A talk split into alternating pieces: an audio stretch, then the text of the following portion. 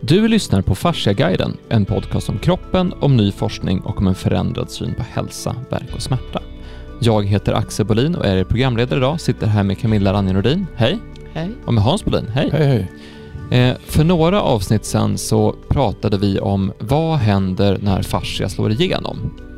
Och vi har fått en liten försmak av det nu sen vi lanserade den här fascia-filmen som man kan beställa på Fasciaguiden, för den har beställts av väldigt många tusen personer och vi har fått väldigt mycket mejl och väldigt mycket frågor, väldigt mycket uppmärksamhet och väldigt mycket Ja, det är många som har hört av sig helt enkelt, Mm. så vi är, lite, vi är lite överväldigade av, av intresset som har kommit och det är jättekul, men det här är ju någonstans bara, bara början. Och en sak som ofta händer, det är att folk hör av sig och säger Jag har det här problemet.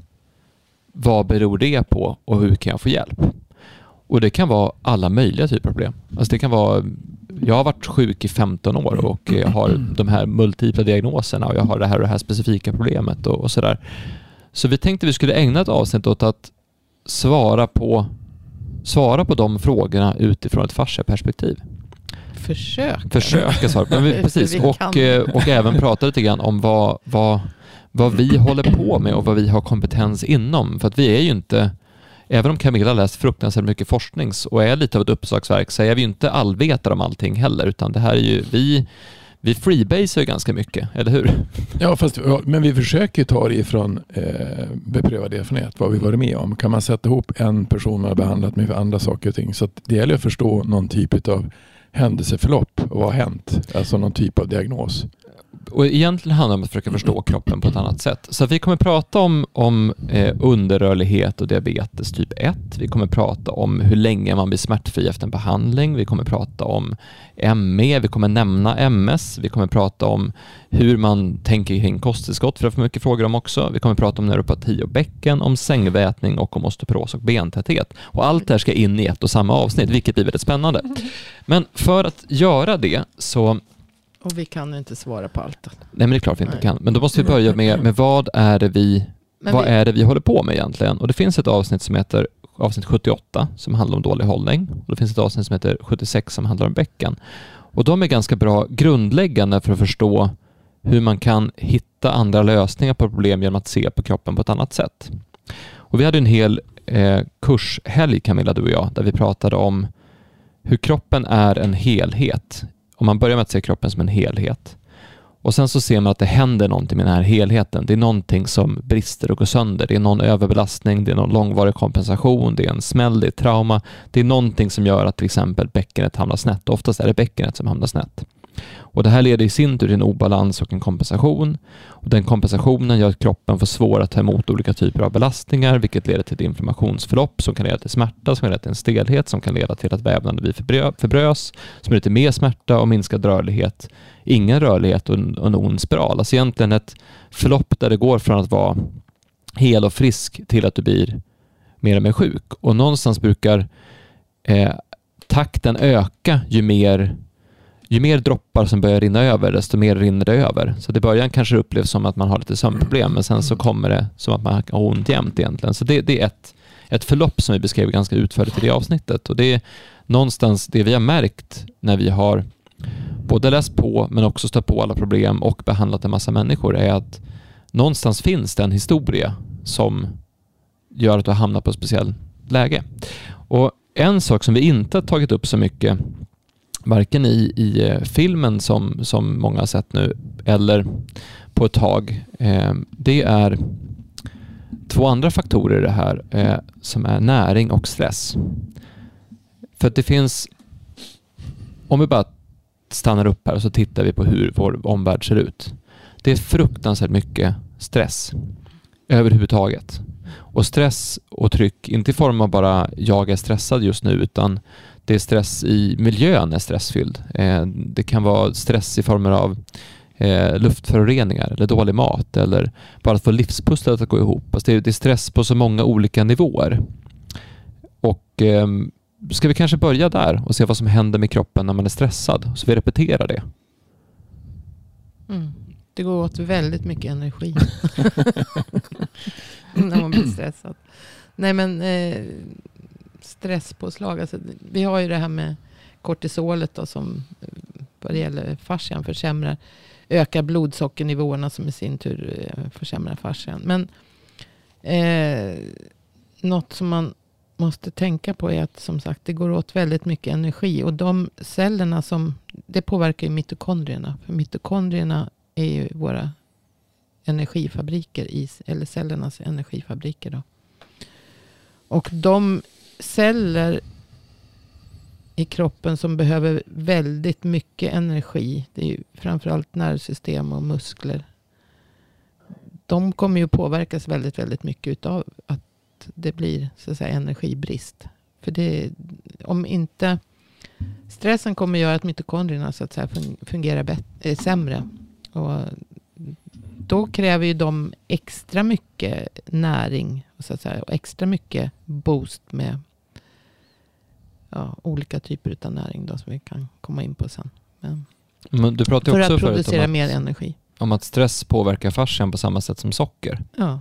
Och det är ju också någonting som folk Där, Därför att det, kortisolet höjer, det, det är ju ett stresshormon som ska mobilisera oss att klara av stressen. Och då höjs blodsockernivåerna.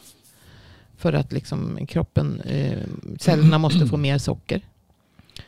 Och så småningom så kan det här resultera, om man går ständigt med höga kortisolnivåer och, och så, så kommer det ju att eh, påverka kroppen negativt. Alltså, sockret i sig, om höga eh, sockernivåer, blodsockernivåer gör ju att, att det, det kommer att eh, ja, fascian blir skör och oelastisk utav det. Så att säga. Eh, det var massor med olika negativa effekter på, på kroppen. Men om vi, Men det, jag tror att det är intressant att stanna upp där när man ska prata om sådana här komplicerade saker som vi ändå fått frågor om. Att ja, men alla vet att stress inte är bra. Det, det, det, är som, ja, det är som, ja det är det ju inte. Men om man låter det sjunka in att hur, hur skadligt det faktiskt är med stress. Alltså man verkligen tittar på hur många problem som kommer av olika former av stress. Då blir det Alltså egentligen kan vi- Hans, för du, du, dels har du behandlat väldigt mycket personer, men sen nu har du också, du är ju på en klinik där du går runt och liksom coachar fem stycken terapeuter eh, varje dag som tar emot jättemycket folk. Alltså vad, hur, stor, hur stor del skulle du säga att någon form av stress spelar i de problem som dyker upp? Om man börjar titta på sjukdomshistorik, alltså när det, när det börjar, så, ehm, så, så nästan allting som är det påverkar otroligt mycket i kroppen. Och det, på, alltså det är också en, lite grann som hon säger Katarina Gossip. Det, är, det här är påverkar amygdala. Det gör oss att vi blir i fight and fly mod. Och Mm. ingen av dem är speciellt bra. För att fight, då ska jag slåss. Och flight, då ska jag fly. Men jag står ju kvar. Och jag gör ingenting. Så det är, det är ett väldigt konstigt sätt som, som kroppen reagerar på. Alltså det är kroppen som är... Hon menar ju att vi, de här eh, instinkterna som finns, de kan trigga så otroligt mycket saker i, i, i kroppen på en gång. Och, och de, jag tycker det är ganska intressant att vi, vi har kanske en, en hjärna som är, det är ingen skillnad på en stenåldersmänniska och oss. Eller som jag sa till min pappa, jag satt och åkte med han upp till Norrland en gång och så sen så vad är det för skillnad på hur tänkte man på 1700-talet, hur tänker man nu? Hur tänkte min morfar, hur tänker jag? Alltså det är inte så stor skillnad, vi har nog tänkt ungefär likadant hela tiden. Det är bara frågan hur mycket blir vi utsatta för på, på olika sätt. Och, och titta på, det är klart att vi, accept- att vi har anpassat till må- många saker men, men när du satt och spelade tv-spel, det var Ivar som gjorde det. När jag satt och kollade på han spela tv-spel så att då gick jag och visst var det Ivar tror jag. Det kan ha varit jag också. då visade jag, då hade man då hade man, eh, eh, då visade de att de, de satt och körde såna här, eh, eh, drönare i kriget i Irak. Och så sen visade de att om det var en, en by som fanns så sa de bara engage och så sprängde de en hel by. Det så, så, det, så här är tv-spel, tror man. Men det här är riktigt, men det är 50 människor dog där. Det här givar är inte okej. Det var Ivar som gjorde det. Det, här, alltså det, det är samma sak. Ni är med om exakt samma sak. Ni sitter och skjuter folk. Och Alexander Hagan som var gammal sån här eh, general i, eller utrikesminister, försvarsminister i USA. Alltså de bästa, de bästa krigarna som finns det är de som håller på med idrott för de vet hur det är att dö. Alltså, alltså förbereda saker och ting. Och det är inte, det är inte därför vi finns på jorden för att vi ska hålla på och stressa upp oss på det här sättet. Och jag tror att det som händer egentligen är att vi till slut går det, till slut brister det. Det är för mycket. Eh, jag har, alltså det, det finns ju man tar på sig alldeles för mycket saker. Man tar på sig andras problem, mina problem, allas problem hittills. Och till slut så kroppen bara, vi orkar inte. Så vad ska vi göra för någonting? Det svåra egentligen som är när man, det har vi fått kritik för när man pratar om sånt, att det blir lite för flummigt. Alltså vi håller på med anatomi i alla fall. Men, men det, är det som händer, vi, vi, ah, hela kroppen, är, vi är ju ett, en enda enhet. Vi är inte många, vi är en. Fast vi är miljarder celler samtidigt. Och eh, Jag tror att när man börjar titta på det som, som vad händer om min hund dör? Jag hade någon som var jätteledsen för att hunden har dött. Eller någon annan har råkat ut för saker och ting. Det är ingenting som, som den levande kroppen är bekänt utav. Att vara kvar i saker och ting. Eller att återuppleva. Utan rent på ett sätt är vi extremt primitiva i sätt att reagera. Och stressen är ju någonting som utlöser väldigt många saker som du sa Camilla. Du, mm. du, får, du kan ju få näringsbrist. Du kan ju få, ja. det, kan ju bli, det kan ju till och med bli så att du, eh, vad heter det?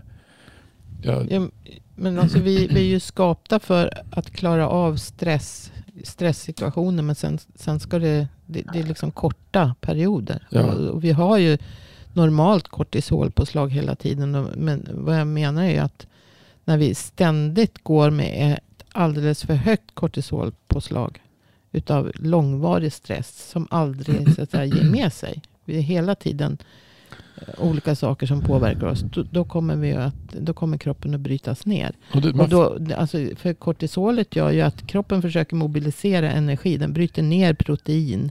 Alltså muskler, kollagen. Allt sånt kommer eh, ledbrosk. Alltså, all, allt eh, kommer att brytas ner för att kroppen försöker mobilisera energi. Och, och det ska ju liksom vara en kort stund och då kommer den inte att tära på hela systemet. Så mm. Men går man ständigt och är stressad och med höga stressnivåer och höga kortisolpåslag. Så att säga, då kommer kroppen att ta väldigt mycket skada. Och det som hände egentligen. Så oxidativ stress och allting. Och, och det, det, som hände på de som kommer ihåg det på början av 80-talet tror jag det var. Så, så dök det upp en sjukdom som ingen visste det var. Utbrändhet. Alltså mm. folk var på totalt slut. Mm. Och det fanns, inget, det fanns ingen som visste vad det var. Det var unga människor som bara låg. Och det är egentligen då har, du så mycket, då har du fått så mycket oxidativ stress, så mycket kronisk stress att du orkar inte mer längre utan du blir nästan förlamad. Och det var då som han funktionsmedicinen, eh, heter han, Peter Martin, han råkade ut för det. Det var därför han började typ titta på näring. Var att han hade ingen som kunde hjälpa honom i vården. Han, han, var läkare och totalt slut. Och så började han titta på vad är det för någonting som finns. Och det visade sig att det var ju näringsbrist. Mm. Alltså han orkar inte längre. Det går inte. Så att därför finns det, det finns ju, om man tittar på det så kan man se på hur mycket påverkas kroppen av allting. Eh. Det hänger ju, för när man blir stressad också så kanske man inte, då kanske man äter ännu sämre än, än normalt. Mm. Därför att man inte har tid och man orkar inte. Och ju sämre man mår ju, ja. Och vad händer med grund, vad händer med själva fascian om du är stressad?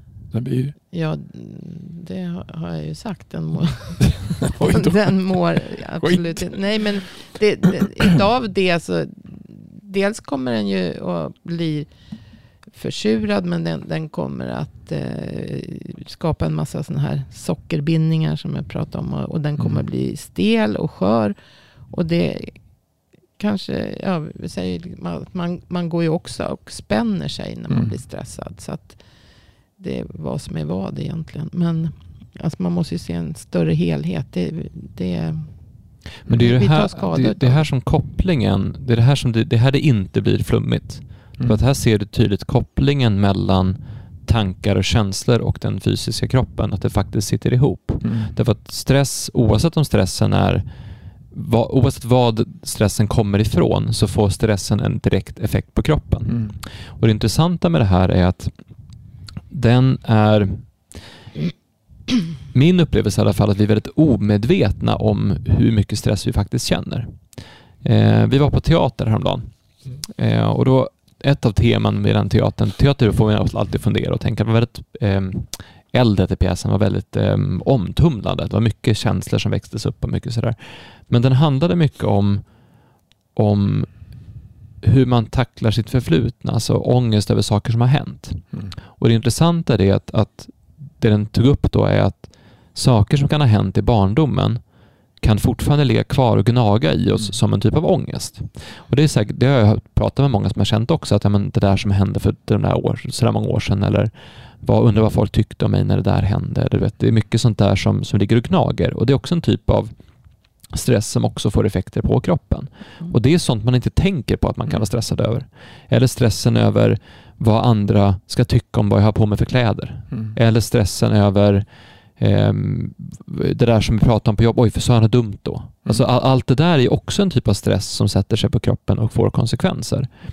Och där ser man hur nära samband det är mellan, mellan tankar, känslor och den fysiska stressen. Och jag tänkte på det Hans när du sa det om, om det där med eh, för 2017 så var ju eh, den tyska neurologen eh, Heike Jäger och föreläste för oss Mm. på en användarträff. Och då visade hon den här studien som var just att när du blir stressad så, så frigörs det ämnen i kroppen som du måste ehm, röra dig snabbt. Alltså måste ha en Mm. kraftig rörelse för att bli av med. Det är enda sättet att bli av med dem. Mm. Så när du då, då tog den liknelsen var att det kommer en björn i skogen. Mm. Du ska slåss eller fly. Antingen slåss du, då är det ju helspänd fullt Mm. ös. Och, Eller flyr du. an- eller så flyr du, då är det full fart därifrån. Så egentligen är det så när det där mejlet kommer som du blir stressad över, ska jag egentligen springa upp från skrivbordet och springa iväg. Alltså det, det är den typen av... man har ett löpband på kontoret. Ja men det, det är den naturliga reaktionen som vi Det egentligen löser borde ha. inte problemet med mejlet. Nej. Det är ju det som Nej. är problemet. Ja. Men, men, men det skulle vara den, fysiska, den korrekta fysiska naturliga reaktionen på någonting vi utsätts för skulle vara att röra sig kraftfullt på en gång när det en händer. boxboll Men kanske. sen, sen har vi ju den där polyvagus-teorin som jag pratade om. Att den, den andra grenen utav vagusnerven, den Mm. primitiva, mm. som eh, fanns, eh, finns hos även icke-däggdjur så att säga. Men, så, som stänger av kroppen istället. Och den, den är, ju definitivt, det är inte alla som säger att, det, det, det stäm, att det stämmer. Men det är den här Peter, Peter Porridge eller vad han heter. Eh, han, i alla fall så, då, då stänger ju kroppen av. Och det är väl typiskt när man blir utbränd. Att jag klarar inte av att lösa den här situationen. Mm. Och till slut så blir liksom, ja men jag kan lika gärna, jag, jag stänger av. Mm. Jag, jag lägger ner. Det är det de har sagt, Och då- det, då- det, är det de sagt det- med, med eh, alltså när man pratar om 30-talet, vad gjorde man för någonting? Man har sånt skräckvälde som finns. Eh, till slut så, så blir man nästan apatisk. Ja. Då, då, går, då går det lätt att säga till folk vad de gör, för blir man tillräckligt rädd. Och det är det man har sagt egentligen om lockdowns, att lockdowns har varit ganska farligt för, alltså det är bland det hem- hemskaste man kan göra, att, att stänga in folk, låsa in folk. Eh, Isolering är isolering är ännu värre. Ja. men då, då kan man också Det är ju- förmodligen få det här som en, en, som du sa, att man får en avstängdhet, man blir tom, Mm. man är Och- inte nåbar. Och det är ju så som ormar, de, de liksom, och hönor, och, de kan ju lägga sig ner och spela döda. Ja. De, de klarar inte av att fly, fly de klarar inte av att, att slåss. Liksom, vad ska jag göra? Jo, jag stänger ner. Ja. Och så lägger jag mig. Det kanske inte är en jättebra strategi, men det kan ju funka. Mm. Men där är också viktigt att förstå att Systemen stänger av Mm. helt enkelt. den typen av, precis som du sa Camilla, att den typen av stress drar mycket energi. Så att när du är stressad eller under en sån belastning, då tar det mer näring. Och kombinerar du då det med att, som du sa, till exempel äta sämre, vilket man oftast gör om man är stressad, vill säga att du ska få Mm. livspusslet att gå ihop, Mm. att du ska Mm. jobba och ta hem, han tar hand om barnen och fixa mat och alla eh, skjutsa och hämta på träningar och grejer, allt det där som folk gör egentligen.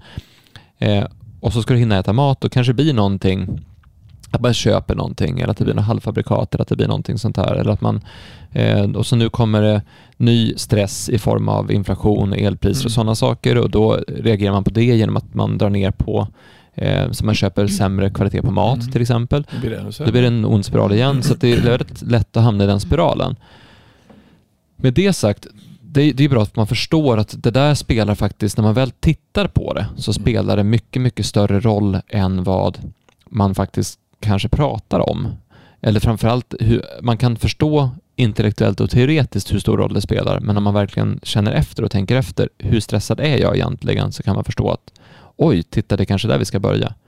Ehm, det andra som är intressant på samma tema innan nu vi ska gå in på de här specifika sakerna är att eh, och det, är egentligen svaret på den frågan som jag fick. Hur länge blir man smärtfri? Och efter om man nu blir av med smärtan efter en behandling till exempel. Mm. Och det är det här som är så intressant i hur vi har från barnsben egentligen lärt oss att se på kroppen, på hälsa, på vård, på människan. Att det finns en enda människa och det finns en enda behandling och alla reagerar på samma sätt. Mm. Alltså vi har tänkt att vi är så lika att vi tror att alla reagerar på samma sätt på allting. Mm. Och tar du då stress som exempel så har vi pratat om tidigare att du och jag Camilla reagerar inte på samma saker. Vi stressar oss inte upp oss över samma saker. Eh, Du till exempel tycker det är jättestressigt att spela in podd. Jag tycker det är hur lugnt och naturligt som Du helst. tycker bättre nu. Nej men, nej men som en sån sak. Och, och vissa, vissa tycker det är jättestressigt att komma oförberedda till möten. Vissa tycker att det är jättestressigt att förbereda sig till möten. Vissa tycker att det är stressigt med, med mycket människor och vissa tycker det är fantastiskt med mycket människor. Så det är, det är olika som saker vi stressar upp oss för. Men jag tror att det där med om hur länge håller det, alltså hur länge är man smärtfri. Det, det var, jag träffade en smärtforskare som frågade det och så att jag tänkte jag säga hur långt ett rep? Därför att egentligen handlar det om, precis som du säger, vad, vad är du med om? Alltså om du stressar mycket, jag hade någon kvinna för ett par år sedan som jag behandlade som var jätte, alltså hade kört jättehårt. Och så här, om du skulle ta och göra så här att om du nu på eftermiddagen har ett badkar, ja. Om du går och köper en, en sån här liten piccolo champagneflaska och så går du och lägger dig i ett badkar så ligger du där i eftermiddag och så dricker du lite champagne och så är det bubbel, alltså bubbel och så lite sådana här bubblor i badet där. Badbomb. Bad, bad, ja, så här. Ska inte kännas trevligt? Jo, kan jag göra det? jo, det kan du. Hon hade svårt att tänka sig det. Alltså så, så chockad var hon. Ta, gå och gör det nu. Gå hem och gör det. Bara sådana små saker att, att, att, att andas, att byta frekvens, att göra på ett annat sätt. För det som kroppen egentligen gör, den har ju försökt att, den lever hela tiden. Men med för mycket saker och ting så kommer den att säga ifrån. Och, och, och verk är också ett sätt att säga ifrån. Verk är också ett sätt att se på på ett annat sätt. Ja, Men, och allting som det sa, jag tror att då, för det första är det så att behandlingen som vi har, den, den stänger av smärtreceptorer. Den är ju, det skapar ju flöde och rörelse. Och sen så som han sa, eh, jag tror det var Jarmaunen från början, att men det har vi vetat om ganska länge. Att, att, att så, eller det var kanske det, att, att är, det för te, är det för tajt, är det för tätt i kroppen så då, klart, då kommer receptorerna säga att det, det här är inte bra. Du måste, vi måste göra någonting. Så att det, det fysiskt sett är det ganska intressant att antingen har du en kronisk inflammation eller något tryck som är för högt eh, som gör att receptorerna signalerar. Och det kan bero på en massa olika saker. Men om du börjar ändra de sakerna så, så kommer det ju förmodligen att bli utan smärta. Men det var som en kvinna som jag hade behandlat för jättelänge sedan som har haft ont i tio år. Och, och så kommer tillbaka och så sen, kommer jag vara smärtfri nu? Nej, nej så det, kommer, det kommer absolut inte vara. Men du kommer inte att vara i samma smärtläge som du haft nu efter det hon har varit med om. Så att det är inte... Det är, det är, Ja, det, det är lite kul egentligen, så här, hur länge är man smärtfri? Ja, alltså eh, livet kommer ständigt att skicka nya kängor. Ja, du kommer alltid stöta på nya hinder och utmaningar. Det finns ju inte så att du, du, går på, du går och gör någonting och så är det som att du tar ett piller och sen är allting bra för all framtid. Utan du kommer, du kommer få ditt hjärta krossat, du kommer Ja. att bli besviken, du kommer att bli eh, eh, illa behandlad, du kommer att hamna i olustiga situationer. Alltså det där är ju en del av att leva. Och, men jag, jag, tror att, jag tror att, och därför jag tänkte vi ska ta den som en, bara slå fast den. Mm. Den är viktig att man förstår att vi är lika på jättemånga sätt, som vi Mm. pratade om i ett avsnitt nyligen, men vi är fruktansvärt olika. Mm. Och om man då tänker att en enda tanke kan leda till en stress hos en person och den stressen sätter sig i kroppen och det, den stressen i kroppen kan orsaka fysiska problem. Och så förstår man hur olika alla tänker och hur olika alla upplever olika situationer och hur olika folk är i sin vardag med vad de gör, vilka beslut man fattar och så vidare. Alltså allting du gör varenda dag är ju en serie av beslut som du fattar. Mm. Och beroende på hur du mår så fattar du olika typer av beslut. Beroende på hur du tänker fattar du olika typer av beslut.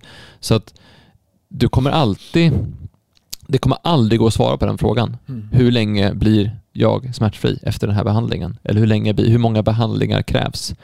Eh, och där, där, det man kan då kan säga är att vi har ju tagit fram en serie podcastavsnitt som handlar just om hur du utvecklas som människa så att du lär dig känna efter med din kropp på ett annat sätt. Så att du lär dig inte eh, alltså se problemen innan de dyker upp, hur du lär dig hantera stress, hur du lär dig att... Så det finns ju i Fasciaguiden som podcast finns ju en kurs i hur du ser till att du håller dig smärtfri längre. För det är ju någonting som vi själva har gjort. Alltså jag blir ju sällan sjuk, jag blir sällan dålig, jag får sällan ont.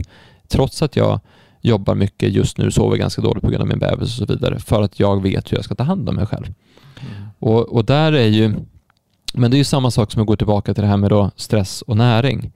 Det är att jag vet att är jag stressad just nu, då tar jag jättemycket C-vitamin.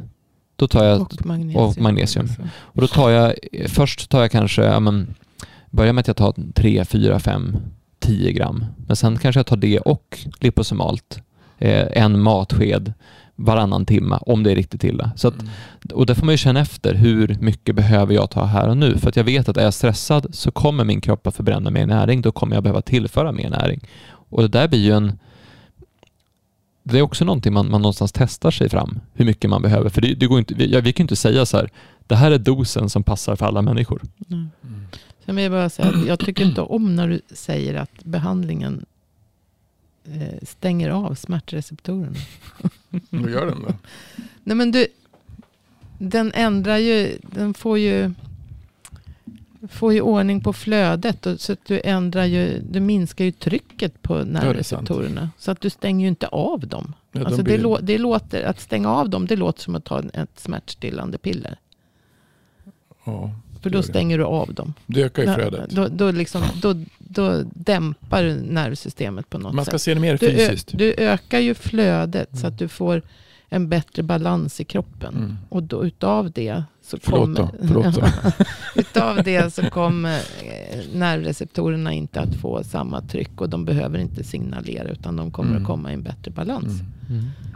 Så att, Men sen finns det de som, det som är kronisk inflammation som finns. Som är ju lite lurigt. För den, om inte den... Det vet jag inte riktigt varför den har varit. Om den har varit länge så är det ju svårt att... Då kommer den tillbaka igen. Och det var ju det som jag menade. Lars som var med första filmen vi hade. Som såg vi ett samband mellan... Har du haft kronisk inflammation för länge. Då är det precis som att kroppen går tillbaka till det. Så då han fick antiinflammatoriskt. mm. Så det, kan det vara att kroppen hakar upp sig?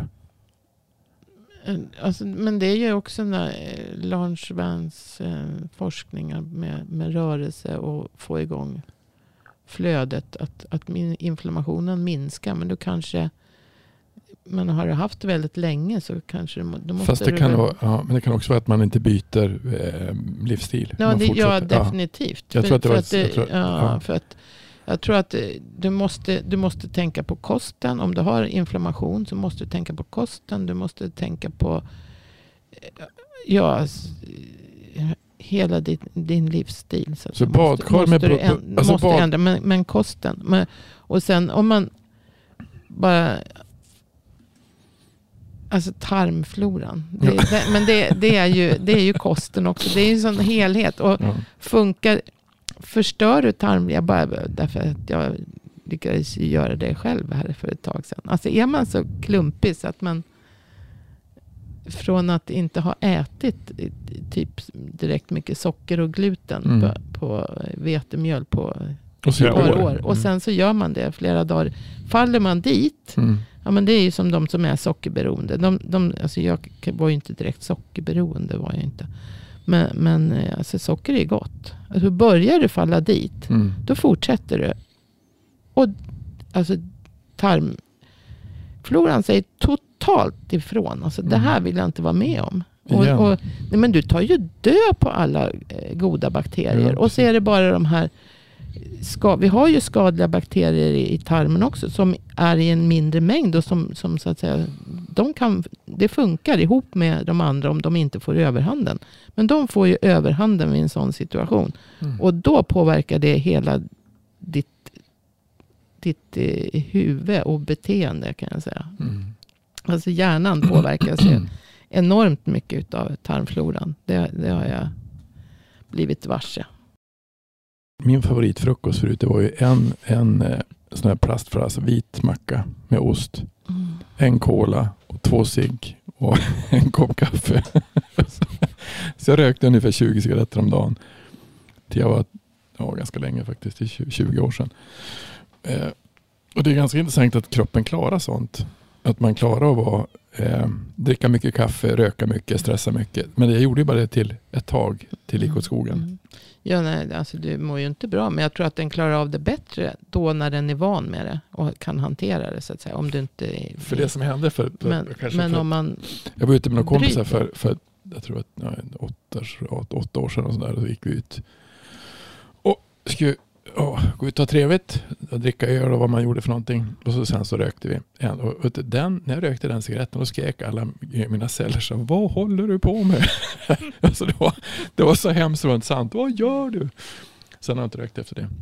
Så att det, ehm, så att det, det, det den, har man gjort någonting som jag gjort så länge som jag gjorde det där och så gör man det igen och så säger kroppen, alltså den bara skriker. Men det finns en, en, en teori där som en av terapeuterna här på kliniken har eh, man har sett samband egentligen, men att har du eh, och det här är ju tillbaka till det vi pratade om något avsnitt sen, att, man, när man, att det här med att lyssna på kroppen, Mm. att kroppen skickar signaler.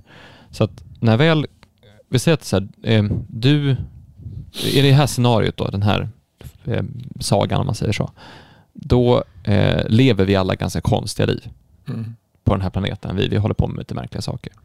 Och kroppen försöker få oss att inte hålla på med massa märkliga saker. Mm. Utan att lyssna och ta hand om oss och liksom göra det som egentligen är här för att göra. Och då försöker kroppen hitta olika sätt att säga åt oss att nu får ni ta och skärpa till er. Och då skickar den olika signaler. Så här, så. Och har den väl hittat ett sätt för dig att lyssna. Mm. Okej, men o- okej, det var det här som funkade. Vi stänger av det där, poff, så. Vi gör så att du blir sängliggandes eller vi gör så att du får ont i tanden eller vad det nu är som är din signal. Har den väl hittat det, då går den direkt dit igen när du, när du sningar igen. Mm. Så tar du då, vi säger att du har, du har för det, vi pratar om det här i termer av utbrändhet, att det är någon som har bränt ut sig.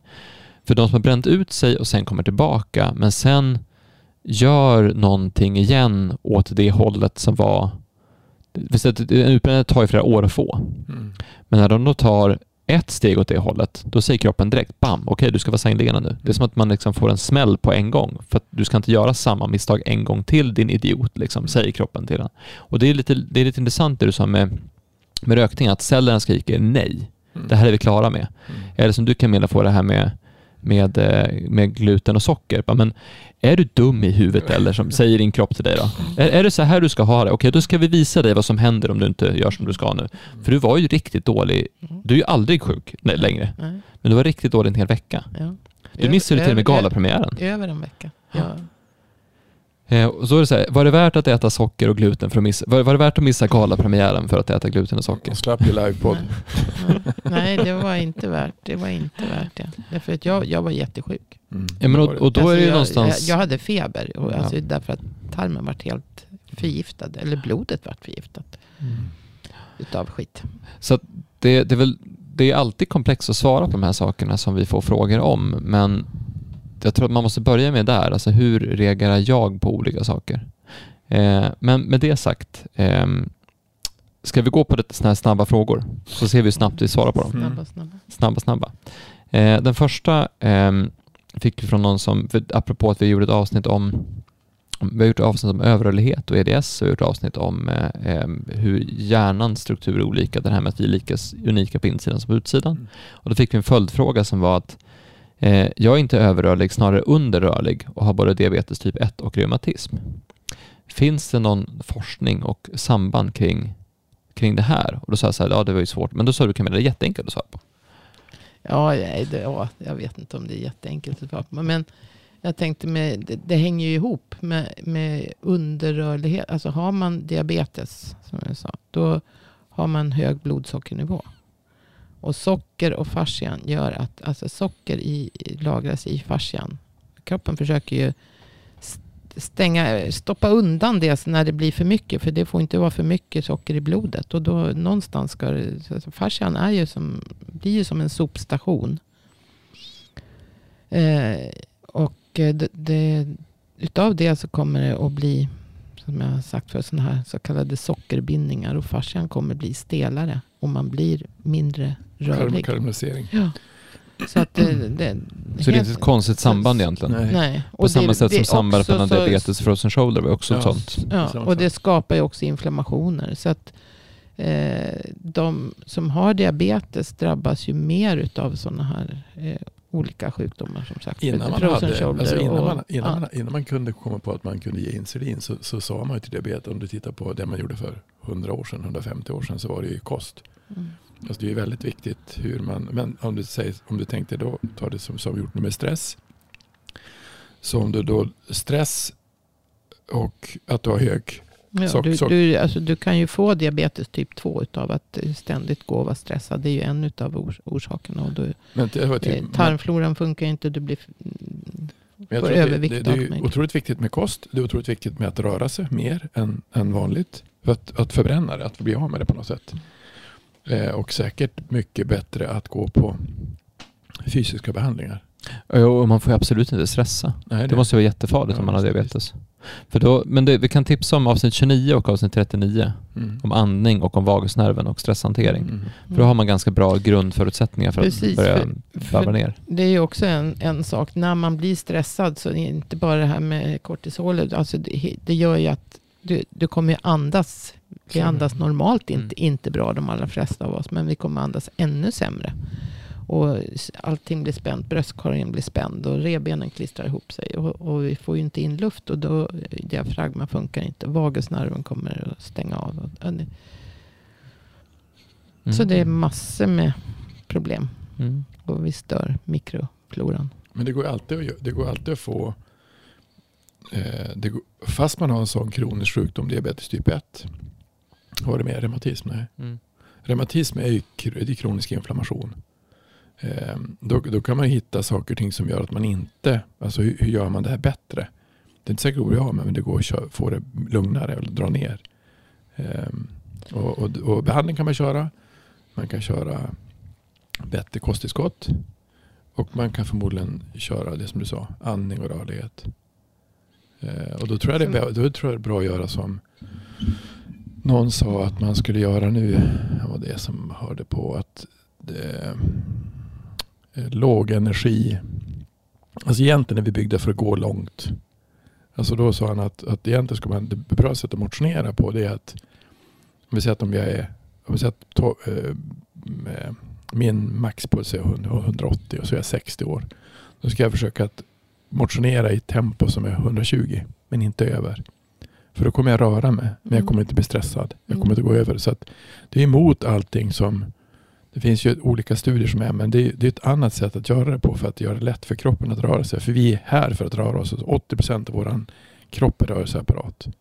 Men vi är inte gjorda för att springa fort. Vi är inte gjorda för att Bara springa fort. korta sträckor när vi ska fly. Exakt.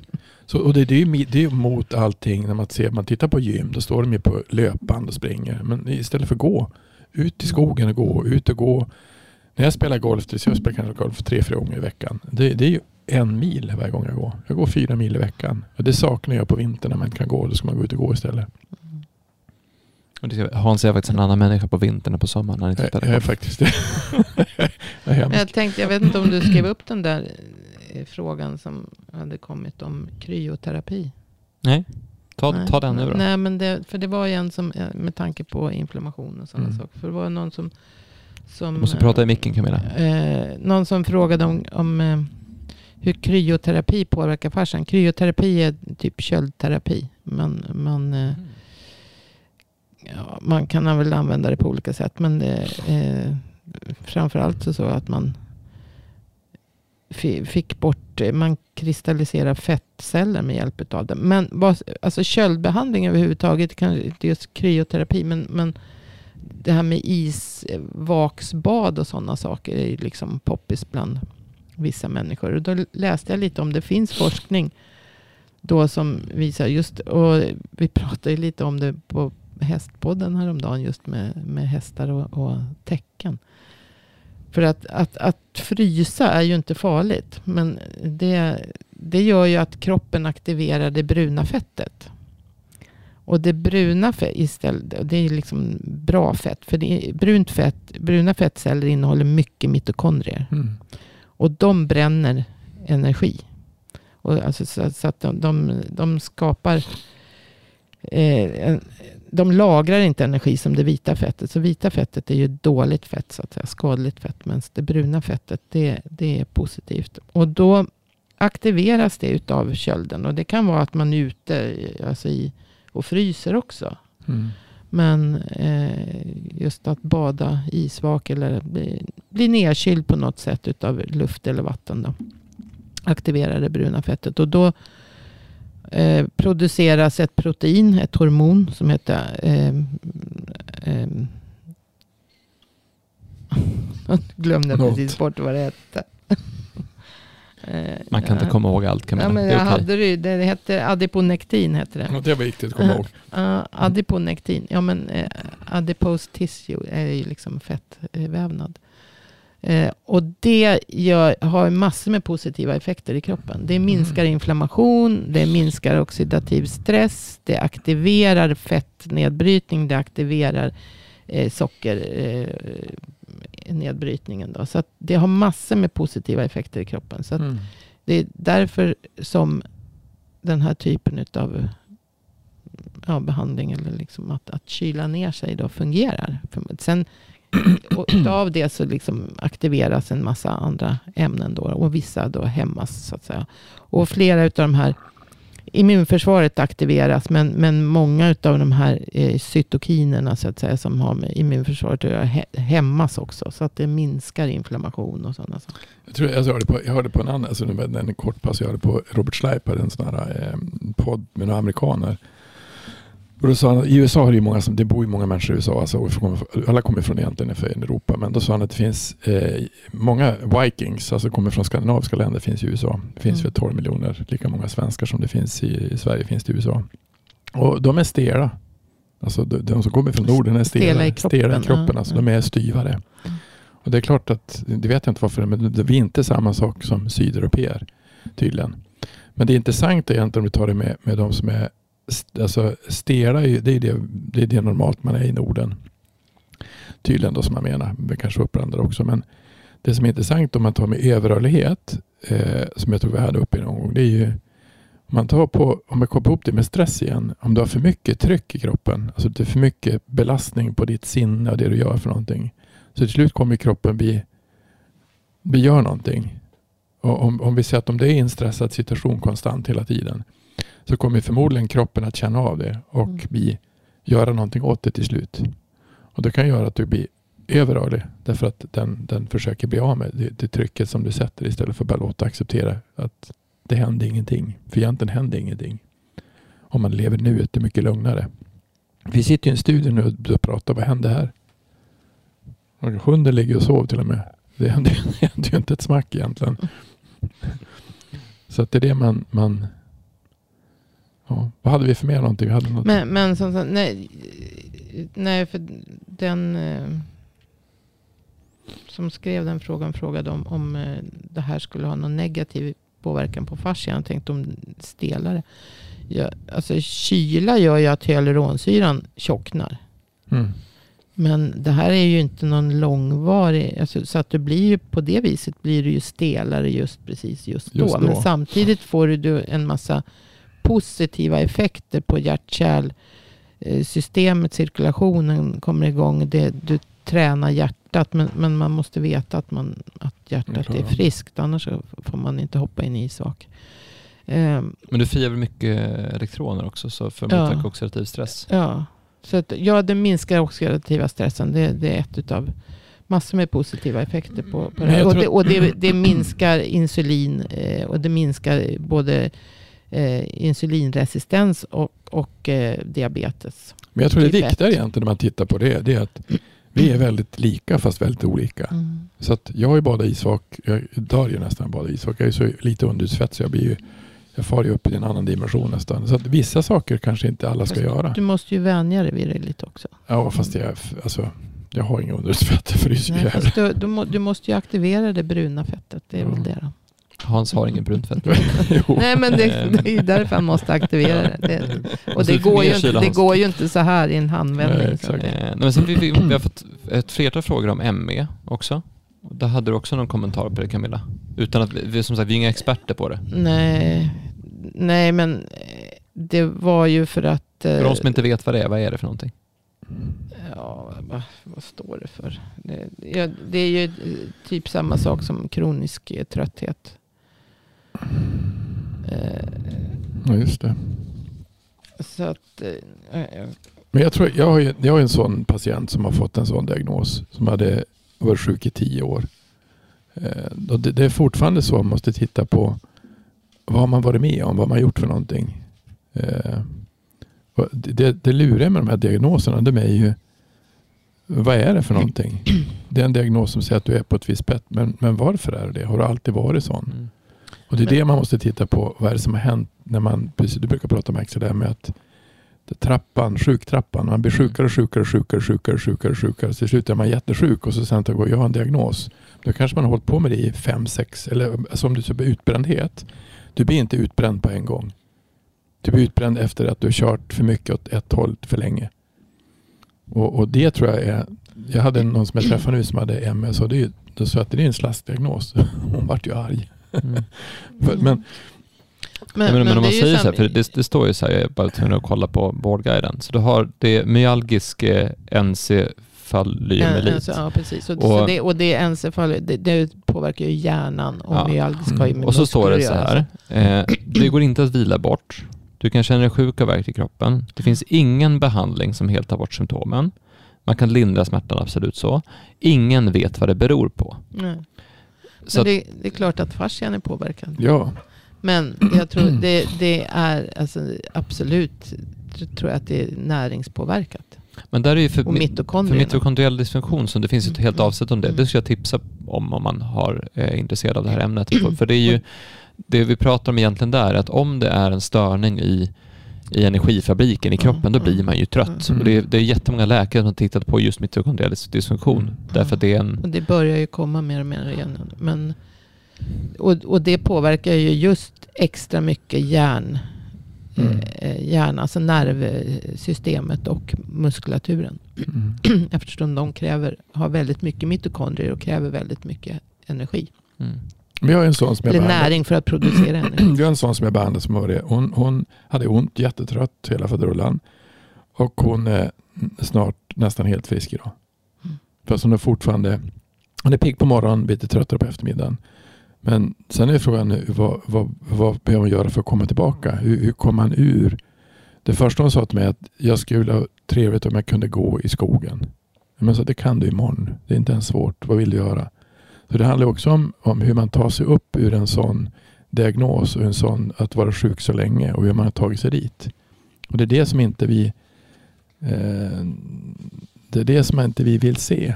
Alltså att, att det, allting hänger ihop, att det är en helhet. Hur, hur tar man sig ut i någonting som är som man varit i länge och tio år är lång tid.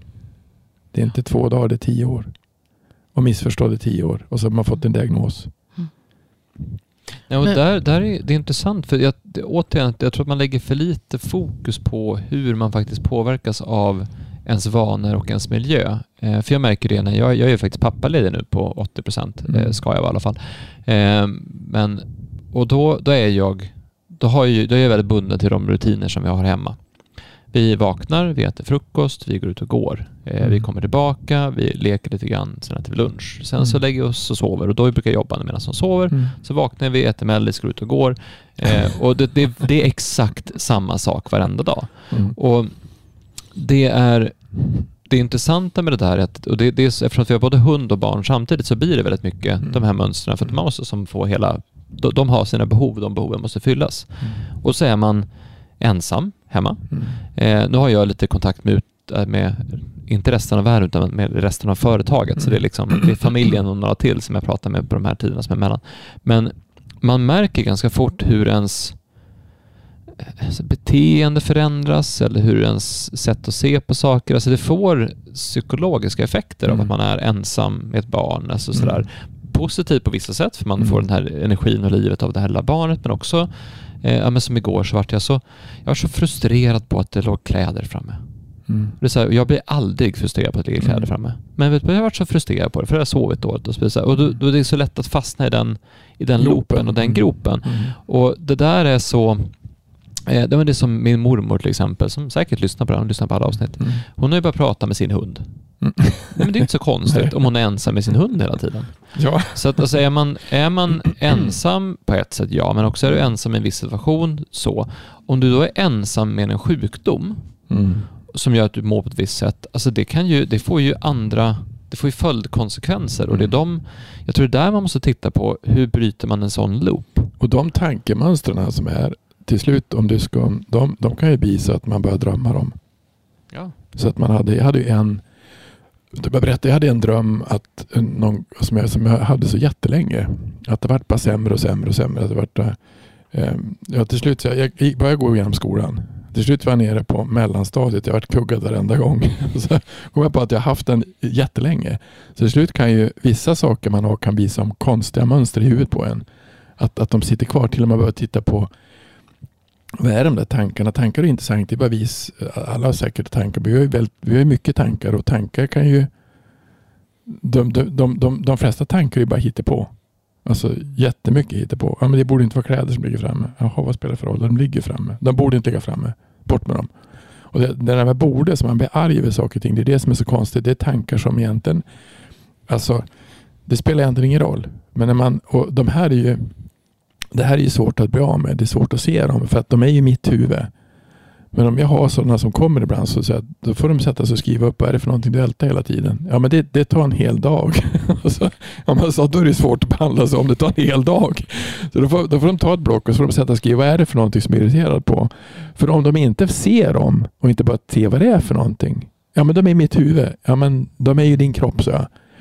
Och det är det som är så lurigt med en del som har varit Därför, därför tror jag som har varit sjuk länge, då brukar jag säga, ja men eh, har du varit frisk någon gång? Ja, men då hittar vi dit så jag. Hur då? Inte vet jag. Du har ju varit där någon gång så du måste hitta tillbaka. Och då gäller det att hitta hur tog man sig dit? Mm. Alltså till att bli eh, och, och får man då en stämpel på som jag sa till den kvinnan som jag träffade, men det är bara en slask, hon vart ju arg. Det är en slaskdiagnos, för det är ingen diagnos som säger, det är ingen som vet vad det beror på. Men har du varit frisk någon gång så går det att hitta dit. Av, eftersom diagnosen inte är speciellt klar. Och det är det som du säger, finns det någon, finns det någon sjukdom som inte hör med fascia? Nej, allting påverkar ju Allt. fascian. Men, men sen så kan ju orsaken till sjukdomen vara ty, typ andra saker. Närings, exakt. näringsbrist. Ofta mycket näringsbrist. Och det, det tror jag är mycket, mycket vanligare än vad folk överhuvudtaget ens Förstår. fattar. Ja. Och just det här med mitokondrierna. För när jag börjar läsa om det då, då bara inser jag, ja men varenda människa har ju alltså brist på det här. Mm. Och det finns ju en hel lista med, med olika ämnen då som påverkar mitokondrierna positivt. Som man behöver ta mycket, ganska höga doser utav för att liksom om, Vilka är de det. då? D-vitamin? Ja, det är, Q10 det är ju också ett sånt här koenzym som eh, vi producerar själva men som ofta som behövs i stora mängder. Det, och det, det är också ganska stora mängder man behöver.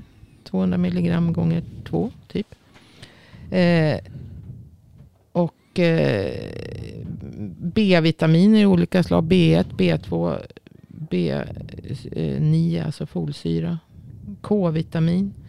Liponsyra, vitamin E, vitamin C. Selen är ju alltså C-vitamin och selen och magnesium. Det är Mm. liksom i ganska höga, mycket högre doser än vad, vad folk överhuvudtaget tror. Så För att få bukt med att mitokondrierna behöver ha en massa av de här näringsämnena för att kunna producera energi. Som B-vitaminerna är ju i, medverkar ju i energiproduktionen Mm. Enormt mycket. Fast det är ingen som tänker på att man måste ha. Jag har ökat B-vitaminintaget ganska radikalt. Så att det är många gånger om dagen. Mm. Men, eh,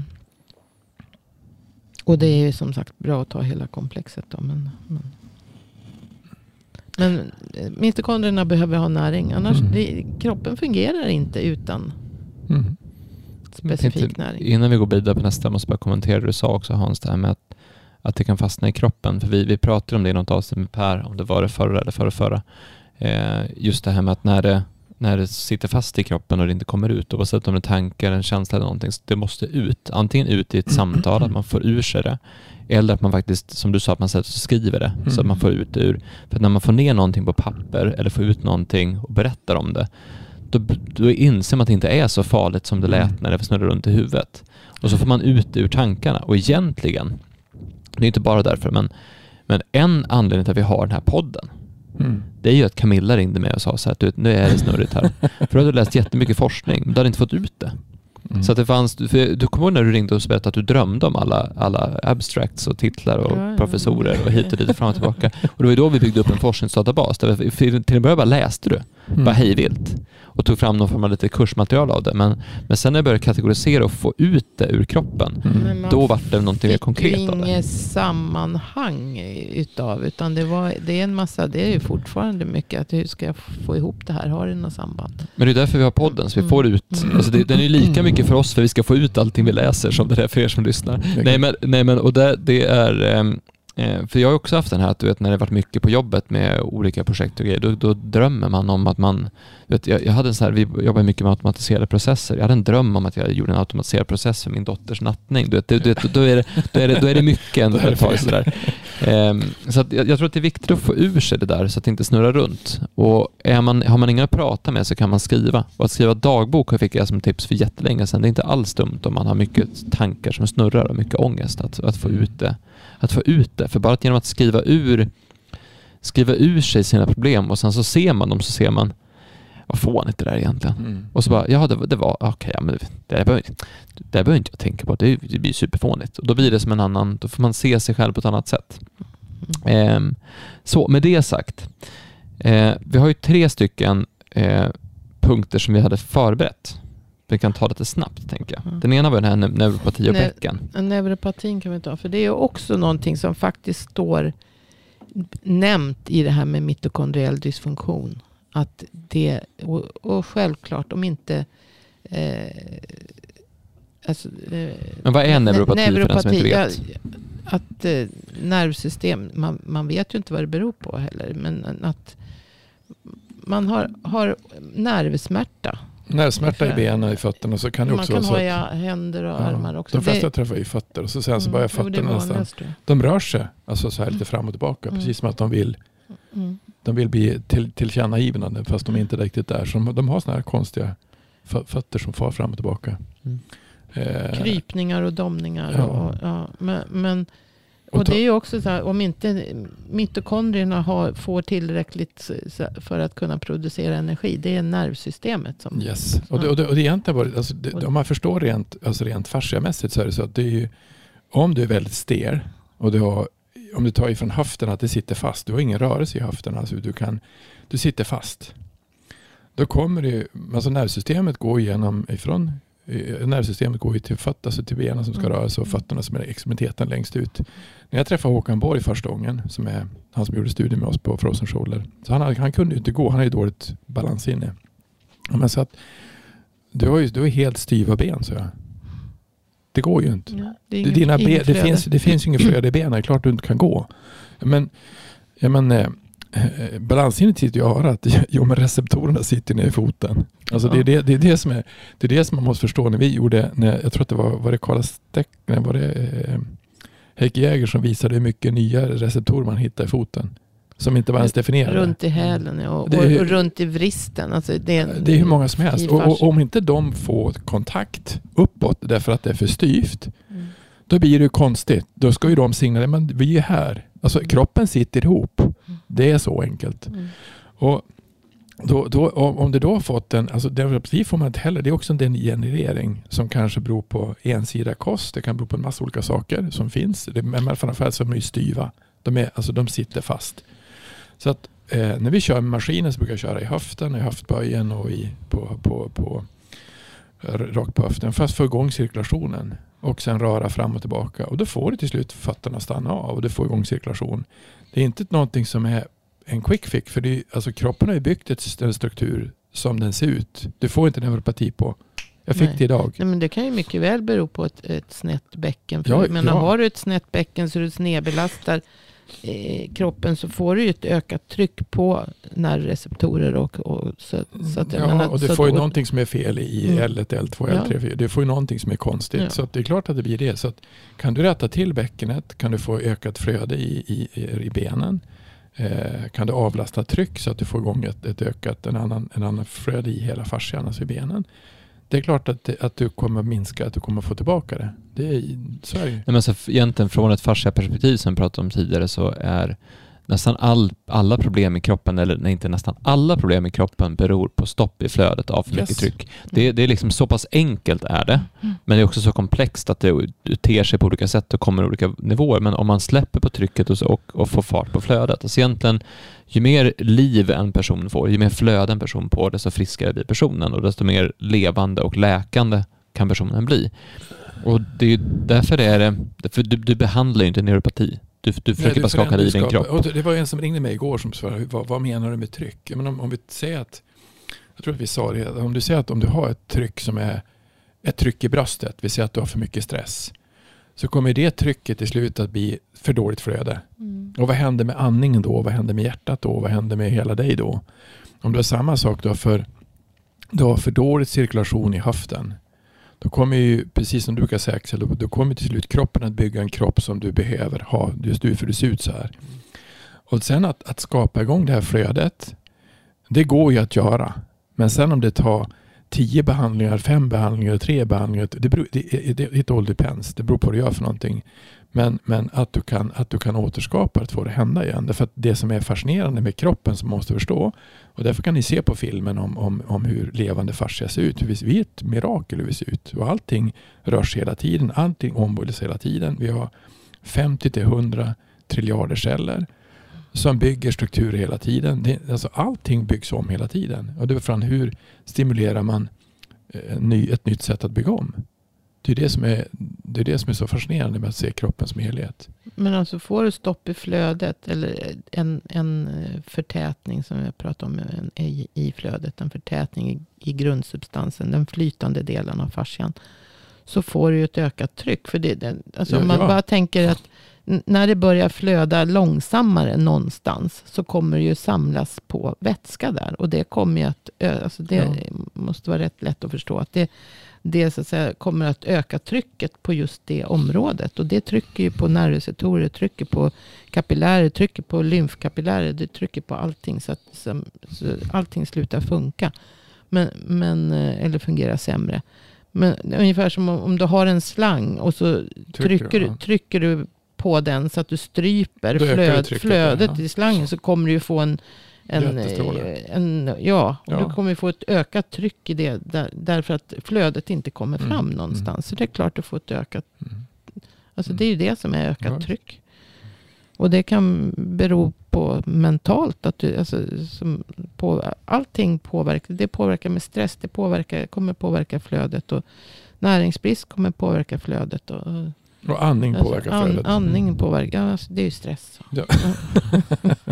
Nej, vi fick en fråga också med om, om, om all problematik börjar i bäckenet. Och det är ju, nej, men all problematik börjar med att det är stopp i flödet. Mm. Ja, Men stopp i kan- flödet kommer att få, det, det tar ofta sitt uttryck i att bäckenet blir snett. För det blir den st- största, egentligen är väl den största uppsamlande strukturen i kroppen, är väl bäckenet. Egentligen. Den, det är centralen för, för balans Ja, och då- hållning. nervsystemet går ju från huvudet ner till bäckenet. Det är alltså centralt. Alltså, att de, och, Ja, och, och och, ner i och, fötterna. ner i fötterna. Men, men det som egentligen om du tittar på, alltså, om jag sitter så här, som jag försöker eh, spänd nu, om jag blir spänd i nacken och axlarna, det, det stoppar också flödet. Ja. Det blir också konstigt. Och det kommer göra att, alltså om du tittar på, vi- när vi gör bilddiagnoser tittar på folk så har du ett snett bäcken så har du ett snett så är det så ner i axlarna också. Så att allting kommer kompensera på något sätt. Och då har du ju, Men sen tror- behöver du inte börja i bäckenet. Nej, det kan nej, börja nej. någon annanstans. börja men en det fot. sprider sig till bäckenet. Så att det vad som är hönan eller ägget. Det som, det spelar ingen det vet man inte. Mhm. men, men det gäller att få igång flödet överallt. Ja. Mm. Nu känns det som att jag lovade för mycket här i början av avsnittet, men vi har ju faktiskt den här med sängvätning kvar. Du hade ju förberett en kommentar på det också Camilla. Ja, återigen det här med... med nej, alltså den, den tyckte det är lite... Vilken ålder? Är det gammal? Nio. Nio år. Pojke som... eh, Jag har varit med om det där själv. Med, att- med just det, eller hört talas om sängvätning. Och det, pojkar är väl vanligare va? Men att, än eh, flickor. Om det har med mognad att göra så. Men, men att man börjar ge hormoner och, och trycka ner njurar och sånt. Det tycker jag kändes. För det, och att även där, mitokondrierna alltså. Ja. För, för att alla läkemedel, eh, inte alla kanske, men, men många läkemedel och många av de vanligaste läkemedlen är enormt eh, förstörande för mitokondrierna. Ja, men sen tror jag en annan, sen jag en liksom annan att sak som få- är ganska det är viktigt. Sen, det, sen frågan om, om bäckenet också, ja det vet ja, det, inte. jag det, jag det är klart jag att, tror att det är ett även, det, det, även en... det är ett perspektiv att se på det. Det andra perspektivet att se på att jag tror att om, om, om hur trött är man? Alltså när man går och lägger sig och sov. Alltså är du, alltså om de, jag tror att när, vi, när ni växte upp så då sa man att det bästa är egentligen att gå och lägga sig och sova när man är barn det är runt, runt åtta på kvällen. Och de flesta barn går och lägger sig elva. Och har man då mycket intryck så att du får mycket intryck hela tiden så kan det vara så, du kan vara så trött, alltså hjärnan är så trött så du måste, du måste sova. Och då händer då, ja, då vaknar du inte upp av, av den, alltså nu, nu är jag kissnödig. Så det finns ju många sätt att titta på det. Alltså kan du gå och lägga dig tidigare? Eh, Ja, och sen har du också den här med hur olika du kan vara som person. För att för Ivar till exempel, så att han behövde mycket fysisk aktivitet. ja. Så att han behövde ha, om inte han fick fysisk aktivitet, det är ungefär som min hund. Om han inte får eh, tre stycken längre promenader och lite lek, men då sover han dåligt för han behöver det under dagen för att få göra det. ja. Och det är samma sak där, det kan finnas en obalans mellan mentala intryck och, Och fysisk aktivitet. stimulans. Att vi säger att du har sett för mycket TV, det spelar för mycket spel eller varit i skolan och det varit för mycket grejer där, men du har spelat för lite fotboll. Mm. Då kan ju det vara en sak som är att, att du har fått för mycket av en typ av stimulans och det kan vara en inre stress. Så det kan vara värt att titta på, på den typen av saker också. Det, det blir, blir väldigt allmänt så här men, Jo men fast det här är väl också, menar, de sover ju och vaknar inte utav, av att de blir kissnödiga utan Mm. kissar på sig. Mm. De är ju trötta, de är övertrötta. Fast det här problemet har ju funnits länge och jag vet att det är vanligare hos pojkar. Då, så att det, och det kanske var långt innan alla de här media och intryck och sånt och datorer som Mm. fanns. Som det har funnits. Men, men eh, hon skriver ju också att, att eh, han får ett ökat vätskeflöde utav viss kost. Som socker till exempel. Och det är ju typiskt också. Att Mm. det, det socker samlar på sig, alltså kolhydrater samlar Mm. på sig vätska i vävnaden.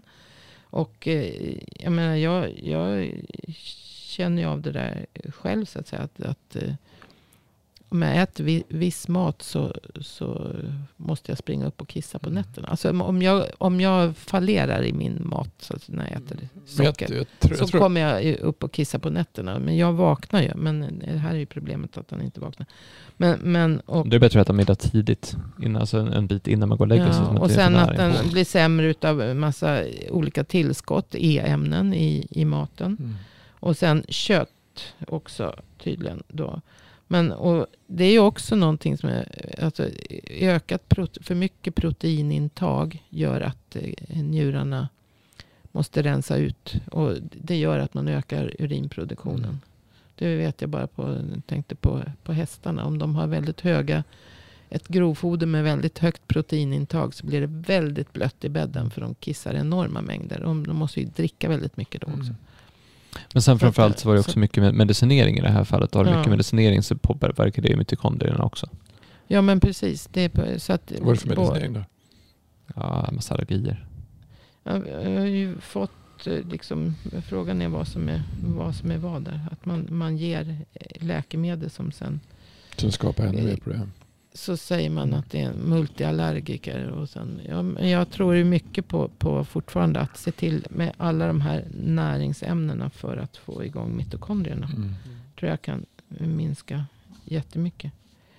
Eh, och, och då undvika socker naturligtvis och kanske minska på eh, mycket, mycket proteinintag. Ja, men alltså jag har Eh. inte tittat på vad, vilken kost klarar man av vilken kost klarar man Mm. inte av. Alltså Mm. är man gluten, och säkert glutenintolerant, kanske laktosintolerant, ja, men ta Man inte behöver era- inte vara glutenintolerant för att må dåligt utav Nej, nej, nej. nej, nej, nej. Mm. Så att, eh, ja, men som sagt, jag, jag tror att det... Visst, men bäckenet. Bör- ja, sen, sen, sen, sen tror jag också att som, jag tror att, det- jag tror man hur många studier man har gjort som helst, men det har man tagit bort. Men det viktigaste som finns för barn det är ju att röra sig. Mm. Och eh, man tog ju, alltså att röra sig mycket, därför att du behöver röra dig mycket. Om man ska, det är som du sa som början, fight or fly, och du, må- du måste ut och röra dig. Får för mycket intryck, för mycket saker så måste du ut och röra på det. Mm. Eh, Men jag, men jag tänkte med, med bäckenet och snedhet i bäckenet och inkontinens och sådana saker som vi har pratat om förut. Det är, Alltså I bäckenet så finns det så enormt mycket ligament och muskulatur. Och där ligger ju också urinblåsa, tarmar. Ja, ja. Alltså det ligger så mycket och, ja, livmoder, all, alla de här. Och det blir ju, om bäckenet är snett och alltså, så blir det ju så mycket problem just med, det blir tryck på Ja, de här visst. vävnaderna som ligger där. Och det kan bli framfall och alla möjliga eh, problem. Så att det, både på eh, tarmar och, och, och um, urinblåsa. Och, Vi hade ju så en det kvinna ett ökat ja. Vi hade en kvinna nu som hade, hon har haft, hon har haft problem i fem år. Och hon, när vi rättade till hennes bäcken så grät hon. Mm. Och nu är hon inte PMS Och det är längre. också så här, för, för det påverkar ju eh, Ja, så, psoasmuskulaturen Ja, allt, också. allt. Psoasmuskulaturen är en sån där muskel som man säger, och, och den har ju sån kontakt med, med vagusnerven, Mm. diafragma och vagusnerven. Och det påverkar, det påverkar känslorna i Mm. kroppen. Så att det, Ja, känselmuskel, det var någon som sa det. ja, Psoas ja, är ja, men- precis. Det är Mm. en käns- men det, det, tror jag, det har, den har ju direkt kontakt med diafragma och vagus. Så Mm. det, det var ju den första muskeln vi, så att säga, som när vi började krypa upp på land. Så var det den. Nej, men Från, att det, från att vara fiskar.